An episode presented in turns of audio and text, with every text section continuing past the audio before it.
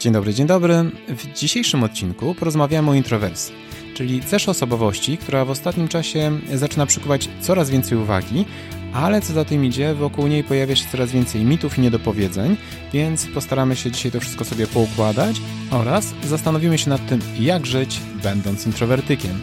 Ponadto wymienię dużo nazwisk i oczywiście opowiem ciekawostkę. Nazywam się Mirosław Rejwo, jestem psychologiem, prowadzę gabinet wsparcia i doradztwa psychologicznego w Gdańsku i online, o którym dowiecie się więcej ze strony brave.pl, a to jest 13 odcinek podcastu Psychologia, którą warto znać. Rozdział pierwszy. Nieporozumienia dotyczące introwersji.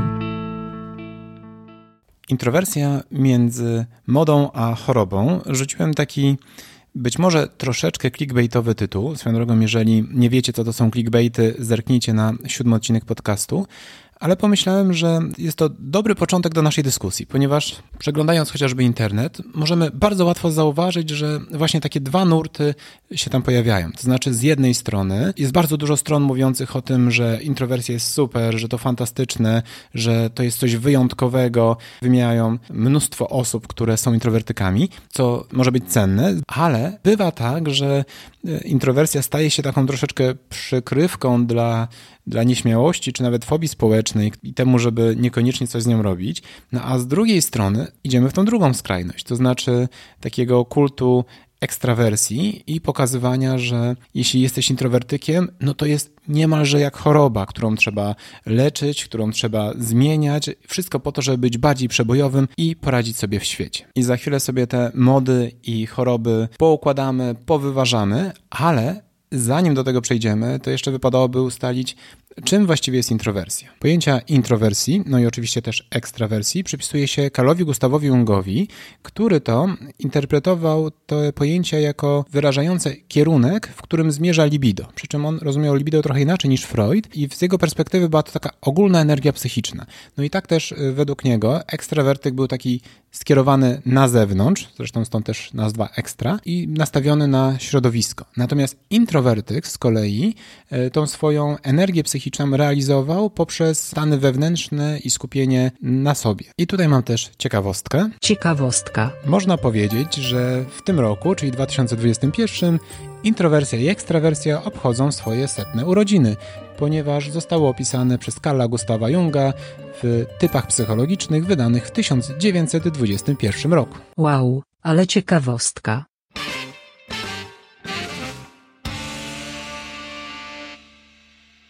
Ciekawostek po ciekawostce. Obecnie introwersję w psychologii definiuje się nieco inaczej niż to, co proponował Carl Gustav Jung, do czego przyczynił się najpierw Eysenck, a później też Costa i Macri, tworząc e, swoją pięcioczynnikową teorię osobowości. Ale to nie zmienia faktu, że w takim powszechnym postrzeganiu bardzo wiele osób patrzy na introwersję właśnie tak, jak proponował to Carl Gustav Jung i jednocześnie wyciągając całkiem sporo wniosków na temat tego, jak osoba introwertywna będzie się zachowywała, które niekoniecznie mają wiele podstaw naukowych. No i oczywiście taki przeciętny, przeciętny to może ze słowo, taki stereotypowy introwertyk to jest taka osoba, która jest taka bardzo refleksyjna, która ma głębokie myśli, jest bardzo wrażliwa, mm, a jednocześnie boi się relacji z ludźmi. Natomiast to niekoniecznie tak wygląda, tak? No bo to oczywiście też sugeruje, że osoba, która jest ekstrawertykiem, no to zbyt dużo wrażliwości w sobie mieć nie powinna, a to też nie jest zgodne z prawdą. A jak dzisiaj najczęściej rozumie się introwersję w psychologii?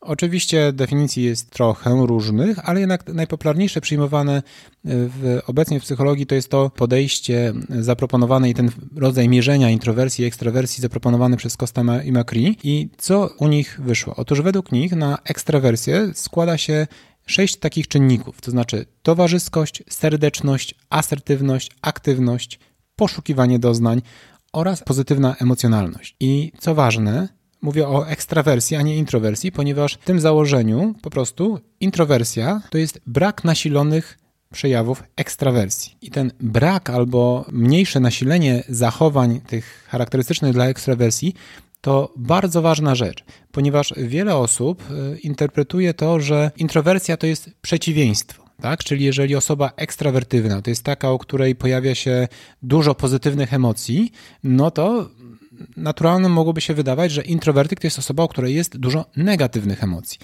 Ale to nieprawda, ponieważ osoba introwertywna to raczej taka, u której ilość tych pozytywnych emocji po prostu jest mniejsza. Czyli schodzimy jakby do neutralności, a nie do minusa. Tak? I podobnie z towarzyskością. Osoba, która jest introwertykiem, to nie jest osoba, która jest skrajnie nietowarzyska, tylko taka, o której to poczucie towarzyskości jest po prostu na niższym poziomie niż u osoby ekstrawertywnej. Więc mam nadzieję, że dostrzegacie tą różnicę. E, czyli jakbyśmy to sobie zrobili na skali takiej od 0 do 10, to jeśli mielibyśmy opisać jakąś cechę, taką jak chociażby serdeczność, tak, od 0 do 10, to jeżeli na przykład maksymalna ekstrawersja to jest 10, no to introwersja to będzie 0 i lub 1, a nie minus 10.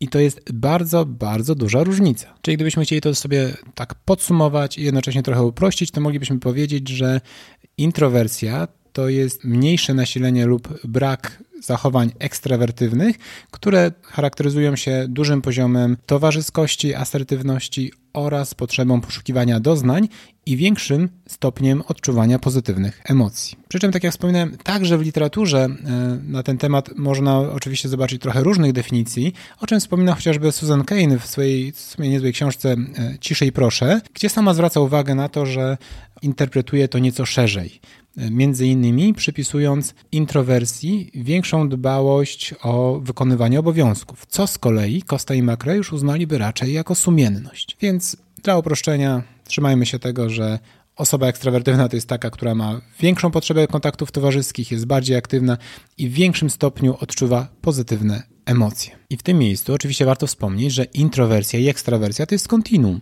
czyli to nie jest tak, że jest się introwertykiem albo ekstrawertykiem, tylko raczej każdy z nas znajduje się gdzieś na linii pomiędzy skrajną introwersją i skrajną ekstrawersją. Jak sugerują niektóre badania, do kategorii introwertyków należy około 30 do 50% osób, e, aczkolwiek nie brałbym tego jakoś tak bardzo, bardzo do siebie. Inne badania sugerują, że to jest po prostu zgodne z rozkładem normalnym. Tak? Innymi słowy, e, większość ludzi jest gdzieś po środku, czyli charakteryzuje się tak zwaną ambiwersją, a stosunkowo mało osób bardzo, bardzo ekstrawertywnych i bardzo introwertywnych. I odnośnie mody na bycie introwertykami, oczywiście możemy bardzo łatwo znaleźć różne listy ludzi, którzy byli introwertykami, a mimo to odnieśli w życiu sukces. I tutaj oczywiście padają takie nazwiska jak Albert Einstein, Isaac Newton, czy z bardziej współczesnych nam Bill Gates, Steven Spielberg czy Mark Zuckerberg od Facebooka. No i oczywiście, że ta lista mogłaby być bardzo, bardzo długa ponieważ nie ma szczególnych dowodów, które by pokazywały, że osoby introwertywne nie miałyby odnosić sukcesu. Chociaż więcej na ten temat powiemy w drugiej części naszego podcastu. Takie listy sugerowałyby, że cała reszta to byli ekstrawertycy, co też niekoniecznie musi być zgodne z prawdą. W każdym razie zwróćmy uwagę na to, że odnośnie mody introwersja nie jest czymś szczególnie wyjątkowym, tak? Bo tak jak mówiłem, od jednej trzeciej do połowy osób to po prostu introwertycy albo ambiwertycy bliżej lewej strony, czyli tej introwersji. Natomiast reszta to osoby bardziej nacechowane ekstrawertywnie. Tutaj warto też zauważyć, że skoro wszyscy jesteśmy na tym kontinuum gdzieś nie na skrajnościach, to też całkowicie naturalną rzeczą jest to, że od czasu do czasu osoba raczej introwertywna będzie miała potrzebę spotkać się ze znajomymi, a z drugiej strony osoba z tendencją ekstrawertywną od czasu do czasu będzie miała potrzebę pobyć w samotności. I to, że ktoś postanawia posiedzieć sobie samemu w domu, co oczywiście najlepiej byłoby zilustrować fotką na Instagramie, jak się siedzi z kapturem na głowie i z kubkiem kakao patrząc przez okno, to nie od razu oznacza, że jest się introwertykiem. To naturalne, że czasem można mieć taką potrzebę. Rozdział drugi. Życie introwertyka. To co z tą introwersją jako chorobą? Leczyć, nie leczyć?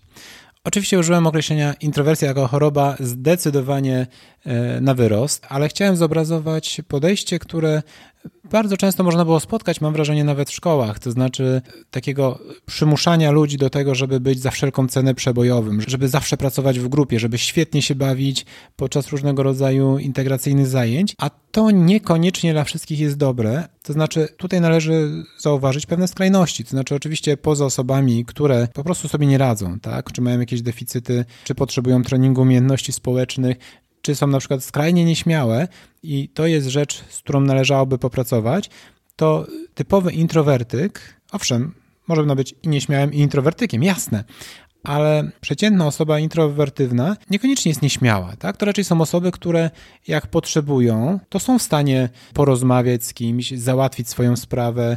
Tyle tylko, że zwykle nie mają tak dużej potrzeby jak osoby ekstrawertywne i to nie jest absolutnie nic złego. Ok, ale czy to oznacza, że osoba introwertywna jest skazana na to, żeby nigdy nie być dobrym mówcą, dobrym liderem zespołu? Oczywiście nie. Badania pokazują wręcz, że e, introwertycy potrafią bardzo skutecznie zarządzać zespołami, ponieważ chętniej dają dojść do głosu innym osobom, a jednocześnie przez to, że mają bardziej wyważone podejście do ryzyka, popełniają nieco mniej błędów. Natomiast ważne jest to, żeby znać siebie i swoje potrzeby i odpowiednio się do tego dostosowywać. To znaczy, osoba introwertywna może oczywiście okazywać skrajnie ekstrawertywne zachowania przez pewien czas, tylko że zwykle będzie potrzebowała nieco więcej czasu na regenerację. Tutaj przypomina mi się historia Briana Little, człowieka, który jest uważany za jednego z najlepszych wykładowców w Stanach Zjednoczonych, zresztą dostał taką nagrodę, który opowiadał o tym, że na przykład po wykładach musiał zamykać się w łazience po to, żeby nie musieć odpowiadać na pytania, nie musieć z nikim rozmawiać, ponieważ samo to wystąpienie było dla niego takie bardzo, e, bardzo wyczerpujące. I to jest bardzo ważna rzecz, to znaczy kluczowe jest to, żeby znać siebie i swoje potrzeby i tak sobie układać różne działania, żeby móc się zregenerować, a w przypadku introwertyków ta regeneracja szybciej nastąpi w samotności czy w mniejszej grupce osób niż na przykład na jakiejś imprezie.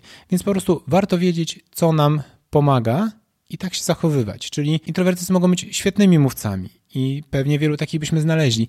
Tylko, że ewentualnie, jeżeli to jest męczące, no to właśnie warto znaleźć chwilę na, na odpoczynek. Podobnie jeśli chodzi o relacje społeczne. Jeżeli nie czujemy się doskonale w grupie 20 osób, to może zamiast zapraszać 20 osób naraz, lepiej będzie e, pozapraszać po dwie, trzy osoby kilka razy, tak? I dzięki temu te relacje społeczne będą podtrzymywane, ale nie będą dla nas aż tak bardzo intensywne. I tak samo warto na to zwracać uwagę, e, kiedy pracujemy, czy jesteśmy przełożonymi osób, które niekoniecznie dobrze czują się w towarzystwie. Nie zawsze chodzi o to, żeby mówić takim osobom: hej, bądź bardziej e, dynamiczny, musisz być bardziej do przodu, porozmawiaj z ludźmi. Być może lepiej byłoby się zastanowić, jak takiej osobie dać chwilę na to, żeby pomyśleć samemu, zamiast oczekiwać aktywnego udziału w burzy mózgów. Co jest o tyle istotne, że według badań, w momencie, gdy introwertycy starają się być ekstrawertywni na siłę, to niestety wpływa negatywnie na ich y, jakość pracy, więc nie ma co tutaj starać się za wszelką cenę zmieniać. Podsumowując, każdy z nas ma swoje miejsce na kontinuum introwersji i ekstrawersji. A jeżeli bliżej Wam do introwersji, to w żadnym razie się tym nie przejmujcie i nie uważajcie, że skreśla Was to na drodze do kariery w zakresie zarządzania czy występów scenicznych. Musicie zwrócić jedynie uwagę na to, jakie zachowania Was y, szczególnie wyczerpują i jak moglibyście się regenerować, oraz w jaki sposób moglibyście zrekompensować te rzeczy, które są bardziej charakterystyczne dla ekstrawertyków, jak na przykład okazywanie entuzjazmu.